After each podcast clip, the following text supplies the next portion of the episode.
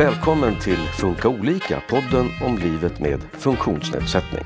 Sexuell hälsa är en viktig del av livet och alla har rätt att utveckla sin sexualitet. Men vad menas med sexuell hälsa och varför är det så viktigt? Det reder vi ut i det här första programmet av Sex om sexuell hälsa hos unga med funktionsnedsättning. Våra gäster kommer att svara på alla möjliga frågor om sex, pubertet och vuxenblivande. Eh, jag heter Susanne Smedberg och den som ska svara på frågor idag om sexuell hälsa är Sanna Karlsson. Hej Sanna! Hej Susanne! Du är socionom och eh, har som specialintresse sexuell hälsa hos personer med funktionsnedsättning. Ja, det stämmer. Eh, sexuell hälsa är ju viktigt för alla människor och just för personer med funktionsnedsättning så har man inte pratat så mycket om det så länge. Så att jag tycker att det är en viktig fråga att lyfta. Då gör vi det idag då. Eh, och då börjar vi med, vad menar man med sexuell hälsa? Jo, men det betyder att man har eh, rätt till sin egen eh, sexualitet, att man respekteras i sin kroppsliga integritet, att man själv får välja vilken sexuell läggning man säger att man har, eh, vilken könsidentitet man har och eh, vilka könsuttryck man ger. Till exempel vad man vill ha på sig och hur man vill på olika sätt uppfattas. Sen handlar det också om att eh, man ska få välja eh, om man vill ha sex eller inte och med vem. Och det handlar också om eh, att man inte ska behöva gifta sig mot sin vilja och sådana saker. Och att man ska få välja om man vill ha barn och också hur många barn man vill ha. Varför är det så viktigt att få utlopp för sin sexualitet? Jo, men det är så att sexualiteten, den är jättegrundläggande för människor. Ungefär som ett behov av att behöva äta, dricka, sova. Och eh, hur den tar sig uttryck, sexualiteten, det är jätteskillnad från individ till individ och skiftar också under livet. Man kan vara, uttrycka sin sexualitet på ett sätt under en del av livet och sen så är det helt annorlunda eh, när man kommer upp i åldrarna. Eh, men man kan inte ta bort det från någon annan del av livet, en annan del av att vara människa, utan den finns med från vi föds till vi dör. Och eh, ja, nej men så, därför så är det så viktigt att man eh, själv får eh, välja hur stor, alltså vilken sorts sexualitet man, man ska ha och hur den ska uttryckas. Behöver det alltid vara i relation till någon annan? Nej, det, det, det är jättevanligt att eh, ensam sex eller sex med sig själv, det, det, är så man upptäcker sin sexualitet och eh, många fortsätter genom livet att ha mycket eller bara sex med sig själv. Och andra har sex med sig själv fast man är i en relation. Så att det är lika mycket värt som att ha sex med andra. Kommer sexualitet och sexuell hälsa av sig själv, eller kan man behöva stöd i att utveckla det? Jo, men det behöver vi absolut. Och jag tänker att det är också viktigt att tänka på sexualitet som ett vitt begrepp då. Att det handlar inte bara om att ha samlag, utan att det handlar om alltså, andra sensuella aspekter. Alltså hur man tar i varandra och hur, hur man Alltså sånt som gör att vi söker oss till andra människor och, och utvecklar relationer. Så det där är ju jätteviktigt att det ehm, börjar i barndomen då med, med, att man får en känsla av att ens gränser respekteras, men att man också får en positiv känsla av att det är mysigt att vara tillsammans med andra och kramas och skratta eller vad det nu kan vara. Och sen så när eh, puberteten kommer, då brukar det bli mer sex, sex, sexualitet, sånt som vi brukar tänka på som sexualitet i ett lite snävare perspektiv. Och eh, då brukar den utvecklas i relation till andra. Och då är det att man träffar andra ungdomar, testar sin sexualitet, misslyckas, testar igen. Och på så sätt så formas den om man lär sig vad man tycker om och vad man inte tycker om. Och eh, det är ju också så att normer och värderingar i samhället, olika yttringar, vad vi tänker, kring sexualitet är viktigt och påverkar. Så att eh, sexualundervisning och sånt som ges i skolorna, det, det kommer ju också att forma sexualiteten likväl som annat som, som vi möter i samhället, andra ideal. Ja, jag tänkte lite på det. Hur eh, är det med den sexuella hälsan eh, hos eh, personer som har funktionsnedsättning? Ja, som grupp är den lite sämre än genomsnittet. Men sen så tänker jag att det är viktigt att lyfta också att många som har funktionsnedsättning har god sexuell hälsa på individnivå. Om vi stannar lite vid att den sexuella hälsan är lite sämre, vad beror det på?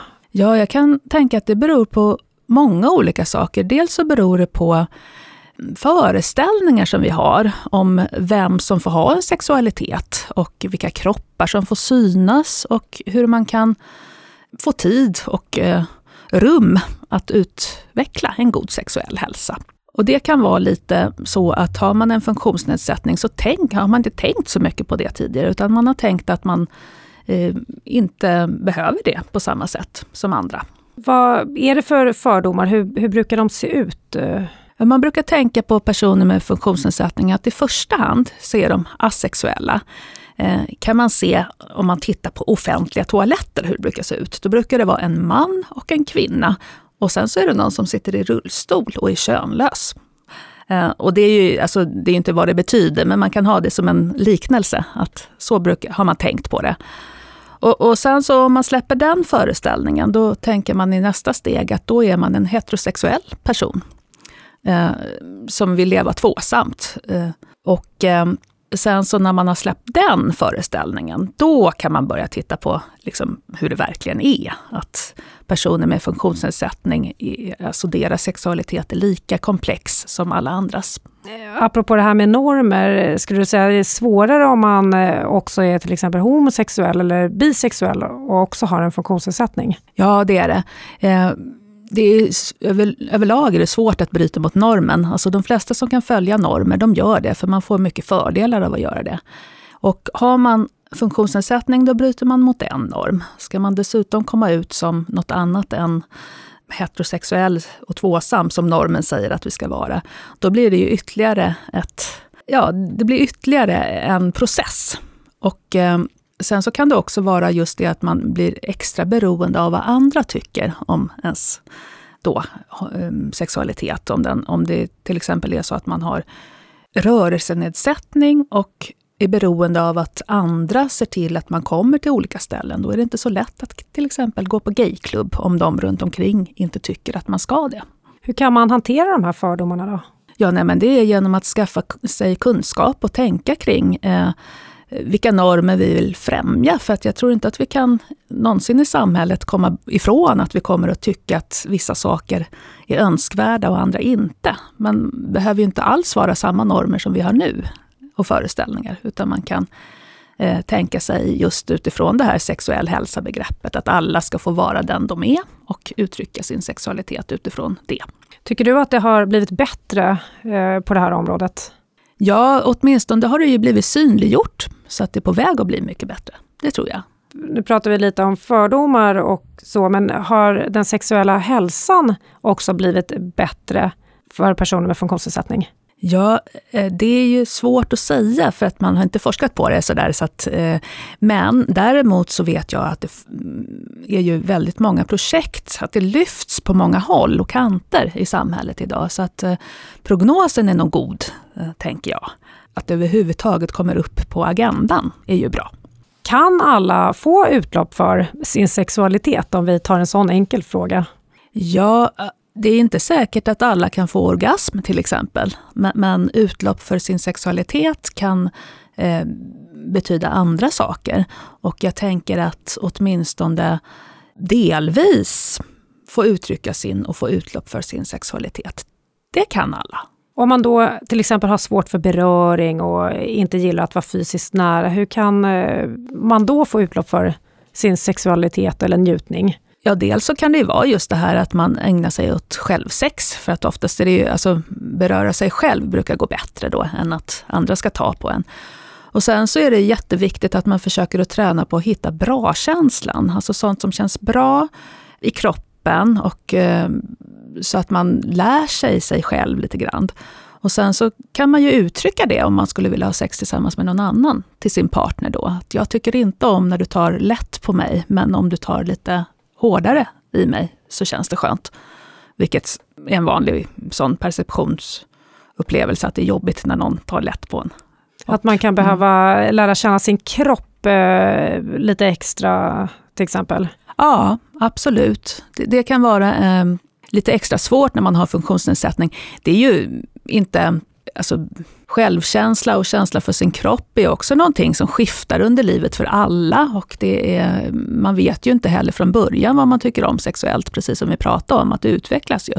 Men att just det här, om man har perceptionssvårigheter, så, så kan det vara extra noga att tänka till kring det, så att man hittar rätt i vad man tycker om. Och om man är beroende av andra för att eh, ja, till exempel eh, ta på sig själv eller få hjälp eh, med olika ställningar etc. Hur gör man då för att eh, utforska sin egen sexualitet? Ja, då gäller ju att man har dels kanske lite hjälp med tips som man kan få från olika mottagningar till exempel för sexuell hälsa som finns i regioner. Eh, och sen så att eh, det finns bra personliga assistenter till exempel, som, som man kan lita på och som man kan kommunicera med. För att det ingår i deras uppdrag att hjälpa till med det. Däremot är det ju inte alltid så lätt för dem, för det, det är inte självklart hur man ska göra och var gränserna går. Och det är kanske inte heller så att man vill göra det med alla assistenter. Hur, hur, det, hur, blir det då med integriteten, om det alltid är någon annan som är där? Ja, nej det, det är ju just det. det. det. blir ju ett dilemma. Visst, och eh, jag tror att för vissa personer, och kanske speciellt när man kommit upp i, så att man verkligen har lärt känna sig själv, då, då, hittar man en bra balans. Att man vet vad man behöver hjälp med och eh, sen så kan man vara i fred en stund och sen så kan assistenten komma tillbaks. Men det är klart att just när man är ung och ska hitta de här grejerna, då är det ju eh, inte alls eh, självklart att det blir rätt från början. Kan eh, sex bli ett problem? Ja, det kan det.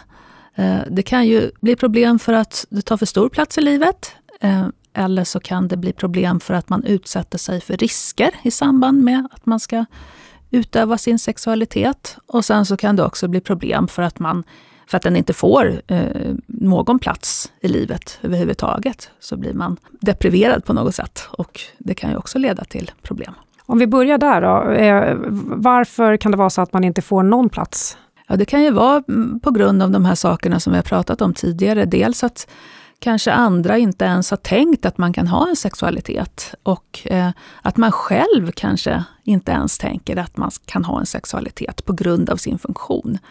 Eh, och sen så att man inte får tillräckligt med utrymme, eh, att man blir hindrad kanske, för att andra kan tycka att eh, det, det verkar farligt det man gör. Och det behöver inte vara några onda avsikter. Det kan ju vara av omsorg som andra tänker att det här måste vi eh, skydda ifrån. Vi väcker inte den björn som sover. Om man då är i en sån situation eh, att andra hindrar en, vad kan man göra då? Ja, det är ju att man eh, Ja, och det är också utifrån att det kräver mycket, men man, kan man kommunicera att jag vill vara i fred med mig själv här en stund nu, då är det ju bra om man kan få hjälp med det, att vara det.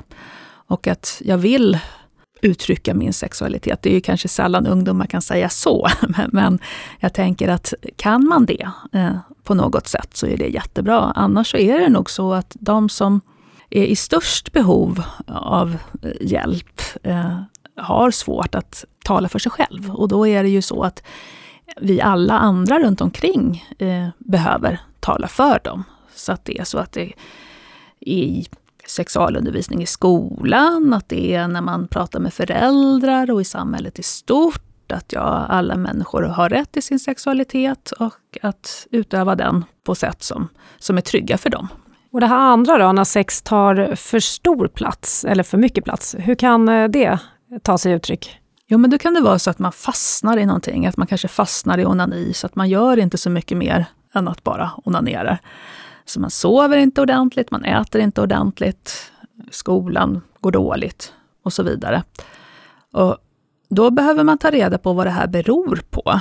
Eh, och då kan det ju vara att det är just bara en fas. Man har precis upptäckt hur härligt det är med att onanera, så då gör man det mycket tag. Eh, och då eh, kanske det lägger sig en stund sen och så hittar man tillbaks till en lite mer balanserad tillvaro. Eh, men sen så kan det också handla om att det finns lite för lite annat att göra i, i livet. Alltså andra roliga saker, att man kanske inte har så mycket kul grejer och då behöver man fylla på med det. Eh, och det här, de, det här andra då, riskbeteende, eller när det kan vara en risk. Mm. Vad skulle det kunna vara för risker? Nej, men det kan ju vara så att antingen så kan man utsätta sig själv för situationer som man inte riktigt klarar av, för att man har svårt att förutse konsekvenser av sitt eget beteende, konsekvenser av andras beteenden, att man inte riktigt förstår att eh, alla inte alltid säger sanningen. Att den man pratar med på nätet kanske säger att den är 15 år och tjej. Men det kan också vara så att den är 37 år och man. Att man inte riktigt har den medvetenheten. Och sen så kan det också vara att man, eh, om man nu har hamnat i en riskfylld situation, har få strategier för att ta sig ur den. Och det kan ju också handla om att man kanske är, om man har svårt att röra sig till exempel, då är det ju svårt att springa ifrån en potentiell förövare. Så det kan ju vara lite många olika situationer som blir riskfyllda på grund av funktion. Det kan ju också vara så att eh, barn och ungdomar med funktionsnedsättning, de blir ofta Alltså de, de träffar ofta mycket mera folk än vad vanliga barn gör. Det är många taxichaufförer, det är många personal på kortis. Det är mycket, så mycket tidigare så släpper föräldrarna kontrollen lite grann. Och det är också en risk. Hur kan man göra för att minimera de här riskerna? Det handlar om att eh, försöka ge kunskap, så mycket kunskap som möjligt, så tidigt som möjligt till de här ungdomarna. Så att de kan eh, känna den här integriteten, att jag behöver inte göra som andra säger, andra får inte röra mig om inte jag har gett tillstånd. Och eh, också att eh, hitta säkra sätt att kunna utöva sin sexualitet eller flörta eller sånt, så att det inte behöver bli så att man gör det i smyg. Eh, som också kan vara rätt vanligt, att man blir väldigt rädd för att bli påkommen med något man inte får göra. Så att säga till ungdomar på det sätt som de kan ta till sig att det är okej okay att flirta med andra, men under säkra former. Så att ska du träffa någon så fråga alltid mig först, eller tala om vem det är, eller ja, så vidare. Men det här med att lära och säga nej, jag tänker det är ganska utelämnande om man till exempel eh, ja, åker taxi med någon eller färdtjänst eller är själv mycket med någon vuxen. Hur eh, kan man förbereda ett barn på att eh, lära sig att våga säga emot en vuxen person till exempel? Ja, det, det är ju svårt såklart. Och eh, extra svårt om man har kommunikationssvårigheter, så att det faktiskt är så att andra har svårt att förstå vad man menar. Både när man ska berätta om något som har hänt och när man ska säga nej. Eh, men det är ju, du får börja väldigt tidigt och eh, då får man ju kanske som förälder och eh, personal då, om man är det som är nära, för det första lära barnet att säga nej eller kommunicera nej. Det kan ju vara med tecken eller med bild eller gest också. Och sen så får man se till att man själv gör det med barnet, så att man respekterar deras nej i den utsträckning det går. Ibland går det ju inte. Ibland måste man faktiskt byta kläder eller gå och lägga sig eller vad det kan vara.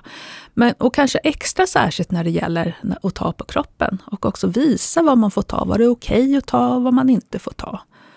Och sen så är det ju så att eh, vi kan inte lägga allt det ansvaret på de barnen som åker i taxin, utan det, det, behöver ju vara så att man har lite koll på vilka det är som kör, vilket bolag, prata lite med chaufförerna och se till att det finns en god kommunikation, både med vad det nu kan vara, skolan eller kortis eller vad det var, så att, så att man känner varandra lite grann helt enkelt.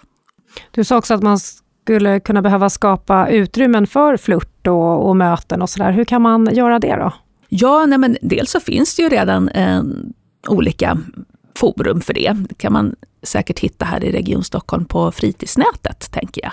Och då finns det olika kaféer som riktar sig till ungdomar med funktionsnedsättningar. Eh, det finns olika intresseorganisationer som ordnar häng och eh, ja, det finns danser och sånt som också ja, riktar sig till funkisar som det brukar vara fullt på och värsta draget så. Eh, sen så är det ju just det här med nätet, där det inte är riktigt lika utvecklat som det kanske är för andra ungdomar. Och eh, det finns eh, datingappar och liknande som, som, som riktar sig till funkisar, men de har inte riktigt tagit fart. Men det kanske kommer. Eh, I den här serien kommer vi också ha ett eh, avsnitt som vänder sig till föräldrar och sen också avsnitt som vänder sig till unga själva, där vi kommer prata lite mer om relationer och hur man kan träffa någon och sådär. Eh, men jag tänkte fråga dig också, vilka är det som har till uppgift att hjälpa till så att en ung uppnår god sexuell hälsa? Mm. Nej, men det är ju verkligen en samverkan. Det börjar ju redan tidigt, alltså tidigt på dagis. Så att, eh, det finns ju i läroplanen, så skola och förskola eh, har sin del. De har i uppdrag att ge sexualundervisning på olika nivåer enligt alltså, vad, vad barn kan ta till sig och vad som passar deras ålder. Eh, sen så finns det också ett ansvar inom vården att se till att eh, ja, patienter, barn då, ungdomar i det här fallet, eh, ja, få förutsättningar för en god sexuell hälsa, därför att det är viktigt för folkhälsan i stort. Och sen så är det ett föräldraansvar. Hur ser sexualundervisningen ut? Eh, är den anpassad för personer med funktionsnedsättning? Ja, i viss mån skulle jag vilja säga. Eh, det finns väldigt mycket fin, fint material som riktar sig till till exempel personer med lindrig intellektuell funktionsnedsättning. Och eh, det är väl definierat i läroplanerna eh, att det också ska finnas eh, sexualundervisning för eh, ungdomar och barn med funktionsnedsättning. Sen är det ju så att just när det går ner på de här, alltså om man har till exempel intellektuell funktionsnedsättning på måttlig eller tidig utvecklingsnivå, då är det ju mycket svårare att eh, ge sexualundervisning och den behöver vara mycket, mycket, mycket väl, mer individanpassad. Så att där så finns det kanske inte naturligt samma utbud av färdigt material som man kan göra i skolan, utan då kanske man behöver komma vidare till andra instanser, som till exempel habiliteringen, för att du får det precis så anpassat som det behövs för just den individen. Eh, med måttlig menar du svårare grad av intellektuell funktionsnedsättning? Precis. Är den också anpassad för personer som har någon form av rörelsenedsättning? Nej, det, det, är den inte. Inte den vanliga, utan att det, det får man ju också ta, i, ta hänsyn till när man pratar med de ungdomarna. Och jag vet inte riktigt. Det finns säkert skolor som, som det här funkar bra i och eh, skolor där det skulle kunna utvecklas. Men skolan har skyldighet att eh, tala så att det liksom gäller för alla elever? Ja, absolut genom alla åldrar, alla stadier, för alla elever. I sexuell hälsa ryms ju också rätten till att få barn. Eh, finns det hinder i det för personer som har funktionsnedsättning? Ja, det finns det. Eh, om man tänker på hur det ser ut rent juridiskt lagligt så är det så att, eh, precis som vi pratade om här i början då med sexuell hälsa-begreppet, så ska man själv få bestämma om man vill ha barn och hur många. Men har man funktionsnedsättning då är det nog många andra än en själv eh, som tänker kring ens förmåga eh, att dels bli gravid, skaffa sig barn och sen kunna ta hand om barnen. Så att det, det blir ju mycket, mycket mer ifrågasatt än om man inte har en funktionsnedsättning när man vill bli förälder. Om man vill ha hjälp med eh, frågor som rör sexuell hälsa, kan vara att man vill prata om att få barn eller träffa någon eller så, var vänder man sig då? Mm. Då finns det i Region Stockholm många olika mottagningar för sexuell hälsa. Och är man ung, från ungefär 12 eh, upp till 23, då kan man gå till ungdomsmottagningen. Och jag skulle tipsa om att titta på Funktionshindersguiden. Där kan man se vilka olika mottagningar för sexuell hälsa som det finns och vilken som är närmast. Och så kan man gå in på UMO, som är ungdomsmottagning på nätet. Sen kan man också vända sig till oss på habiliteringen. Ja, jag är lite nyfiken på det. Vad kan man få för hjälp eh, av habiliteringen när det gäller de här frågorna? Jo, men man kan få hjälp med mycket faktiskt. Eh, man kan få hjälp med just det här konkreta. Hur gör man när man onanerar till exempel? För det kan ju vara så att man inte har lärt sig det av sig själv eller av eh, kamrater då i samma ålder. och då kan man få hjälp med det. Man kan få hjälp med hur man skyddar sig man kan få hjälp med ja, om det blir då för mycket eller för lite, om det blir problematiskt med sexualitet, så, så kan man också få hjälp med det. Vet alla att man kan få den här typen av hjälp på habiliteringen? Nej, jag tror att det har varit ett litet... Eh, vi har inte riktigt nått ut med det än, utan jag tänker att eh, det är sällan som de här eh, frågorna ställs till oss i habiliteringen innan det har blivit problem. Ofta så är det så att eh, frågor kring sexualitet, det är just när det har blivit besvärligt på något sätt. Att man kanske onanerar på fel plats eller att man utsätter sig för risker eller så vidare. Då får vi tag på det. Men, men just det här hur man kan göra så att man kan skapa förutsättningar för god sexuell hälsa. Det har vi inte riktigt nått ut med att man kan fråga om än. Så det är en liten uppmaning här att ta upp det när du besöker habiliteringen? Absolut, det tycker jag. Där säger jag stort tack Sanna Karlsson, socionom på habilitering och hälsa i Stockholm. Tack! Du har lyssnat på Funka olika, en podd från Habilitering och hälsa som är en del av Region Stockholm. I nästa avsnitt kommer våra gäster att vägleda föräldrar hur de kan prata om sex med sina barn med funktionsnedsättning och vad de behöver lära dem. Vi hörs då!